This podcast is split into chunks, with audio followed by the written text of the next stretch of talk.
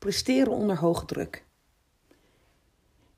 Afgelopen week kwam de Volkskrant met een heel stuk over de wereld draait door en hoe Matthijs van Nieuwkerk onder druk um, scheldpartijen, kleineergedrag, um, waardoor personeel opbrandde, uit is gevallen, op zijn tenen liep en altijd onder hoge spanning stond.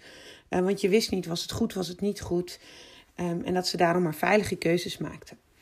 Nou, er is heel veel over gezegd en geschreven. En ik wil dat aanvliegen vanuit, nou ja, ik noem maar even mijn vak, de druk waaronder mensen opereren. Want live televisie is inderdaad zo'n omgeving. Uh, topsport is ook zo'n omgeving waarin je in het publieke vizier, of hoe zeg je dat? Dat je dus onder het publieke vergrootglas ligt in wat je presteert. Dus het is niet alleen de druk van het moeten presteren, maar het wordt ook nog eens door iedereen gezien. Dat doet iets met je. En wat ik, um, wat het even, het, het crisispunt daarvan, of moet ik zeggen. Want wat je, wat een van de naarste dingen is, is als het gebeurt en je probeert daarin aan de bel te trekken, dus bij je leidinggevende of bij omstanders. En er wordt dan gesproken over het hoort erbij. Het hoort bij dit niveau van topsport. En als je dat niet kan, dan moet je lekker weggaan. Dan moet je lekker ergens anders werken. En ik krijg die feedback vaker als ik met mensen praat over de druk waaronder mijn coaches staan. En, en in politiek en in overheid. En als ze onder hoge druk opereren en daaronder wankelen. wordt er gezegd, maar je hoort er, het hoort erbij. Je tekent voor dit vak. Je weet. Ten eerste vind je het vaak leuk, de thrill van de deadlines en, en van een in dit geval goede uitzending in de politiek, een goed debat. Um, je kikt op, op die energie, op die dynamiek, op dat. Dus je vindt het ook heel leuk. En dan heeft het dus een keerzijde. En dan is dus de vraag um, of de opmerking van ja, maar je kiest er toch voor. Dus als jij een beetje de top wil bereiken, verwachten wij als werkgever, leidinggevende, omstandersorganisatie, nou, wie dan ook, maar wij, even een algemene wij, dan verwachten wij dat je die druk ook aan kan. En dat je er dus tegen een. En, en met die druk aan kunnen bedoel ik dat je tegen een stootje kunt. Dat je dus.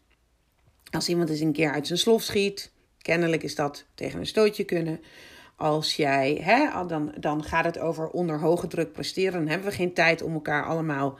Uh, vriendelijk te knuffelen en heel aardig te zijn en feedback in een keurig broodje te verpakken of welke methode dan ook getraind wordt. Er wordt van je verwacht dat als je op dat niveau wil presteren, dat je ook overuren maakt, dat je op een onregelmatige basis werkt en dat je hard kunt rennen, zullen we maar zeggen. En wat ik een beetje een scheve discussie vind, is dat als je dus een misstand aankaart, en een misstand is in mijn ogen grensoverschrijdend gedrag, en grensoverschrijdend gedrag kan prima zonder seksueel grensoverschrijdend. Daar heb ik het niet over. Ik heb het nu over grensoverschrijdend gedrag als in bullying, pesten, kleineren, um, uh, een, een angstcultuur creëren, dat is een misstand. En dat wordt goed gepraat vanuit dat je tegen een beetje druk moet kunnen. En daar klopt iets niet. Want tegen een beetje druk kunnen, en dat hoort erbij, um, dat gaat over iets anders. Dat gaat over of je wel eens over wil werken, of je hard wil lopen, of je bij een Top, dat je door de moeilijke momenten heen bijt.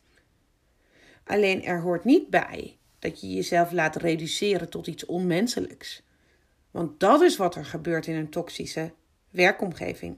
Dan word je, ja, dat heet dan dehumanisering met een heel moeilijk woord, maar het is ontmenselijke. Je wordt weggezet als een instrument, als niet zo heel veel waard, als niks waard in sommige want ja, we kunnen jou zo omwisselen. En uh, je kan helemaal niks. En nou ja, hè, om even hele, al wat uitdrukkingen te gebruiken. Dus nee, ik geloof niet dat het erbij hoort. En ik geloof niet dat het hetzelfde is als tegen een stootje kunnen. Er is echt een groot verschil tussen onder druk opereren en het commitment hebben om er vol voor te gaan in een organisatie en grensoverschrijdend gedrag hoeven te accepteren. Dat hoeft niet, nooit. En om deze podcast ook vooral positief in te willen steken, kijk ik naar. Kijk, onder hoge druk staan, zoals op live televisie, topsport, eh, politiek, nou, ik noem een aantal functies. Ehm, om op die hoge druk, onder die hoge druk te kunnen presteren, ja, daarin kan het zo zijn dat je een keer snauwt, een keer te kort door de bocht bent. Het gaat altijd over hoe je daar vervolgens mee omgaat. of je meteen daarna sorry kan zeggen, of het niet iets is wat een patroon is wat altijd voorkomt. Maar het gebeurt wel eens voor. Ik bedoel, we kennen allemaal dat je als je op je werk heel druk bent en dan ook nog gebeld wordt thuis, dat je dan ineens snauwt tegen je kind. Dat helemaal niet de bedoeling is. Ehm, dus het gaat om, niet om he, structureel af te wijzen gedrag, maar onder druk gebeurt er iets met je. Je, kan er, je hebt jezelf niet meer onder controle. Dat, je, hebt, je kunt niet meer jezelf altijd uh, in goede banen leiden, wat je in rust wel kan. En daarom is het zo belangrijk dat je hulp vraagt als je onder hoge druk staat. En ik zag laatst een, uh, een, een groot event. Um, met een, uh, met een, was een business coach, dus is verder voor deze podcast niet zo relevant. Maar zij wilde een top-event draaien. En zij had behalve de mensen die haar hielpen om het event te organiseren, de hele dag iemand ingehuurd die naast haar stond. Die haar hielp te blijven lachen, te ontspannen, voor goed voor zichzelf te zorgen. Haar, de enige taak van die persoon was haar in de gaten te houden. Of het goed met haar ging.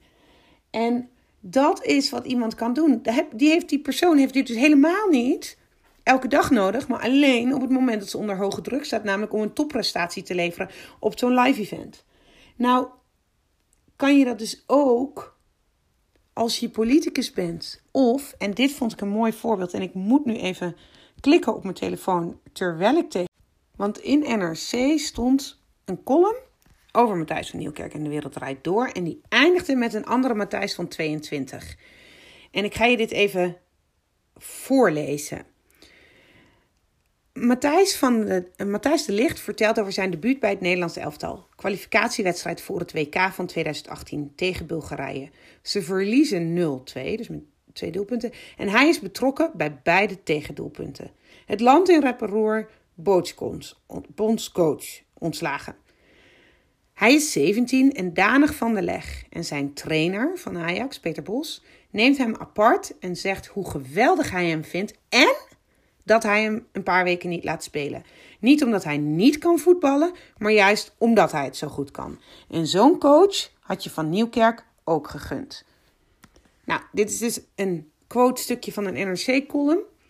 En ik vond dit zo fantastisch mooi, want dit gaat inderdaad over juist als je zo goed bent, heb je je hersteltijd nodig. En in dit geval, want dit ging dus over een verloren wedstrijd waarbij je zelf betrokken was, terwijl iemand heel jong was. Dit is zien als coach. Oké, deze persoon heeft net onder de hoge druk gepresteerd en dat is niet per se goed gegaan. In plaats van een brevet van wantrouwen, zeggen we dit is een juist een teken van dat wij jou vertrouwen. Want je bent heel goed en je bent van de leg. Dus we gaan je alle ruimte geven om hiermee te dealen mentaal, zodat je hierna weer op een fantastische manier weer verder kunt gaan. Neem jouw ruimte.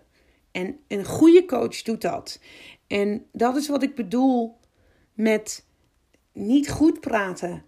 Want ik wil niets goed praten, want daar gaat deze aflevering niet over. Waar dit over gaat is, iedereen die onder druk moet presteren, die kan het gebruiken dat er iemand is die alleen maar op hen let. Die alleen maar, dus als jij onder hoge druk staat, en of ik dit nou ben of iemand anders, dat maakt me niet eens uit, maar dat je zorgt dat je iemand bij je hebt die jou af en toe in de ogen kijkt en die ziet hoe het met je gaat en die kan zorgen dat het goed met je gaat. Want onder druk presteren is niet makkelijk en dat kan leiden tot het niet meer herkennen van jezelf, tot het niet meer kunnen voelen wie jij bent en wat jouw eigen keuzes zijn, omdat de druk zo groot is en daar mogen we best wat normaler over praten, dat je daar wat hulp bij kunt gebruiken. Ik ben super benieuwd naar jouw mening. Connect met me, reageer op deze aflevering, wat jij hiervan vindt. En ik spreek je gauw. Tot de volgende.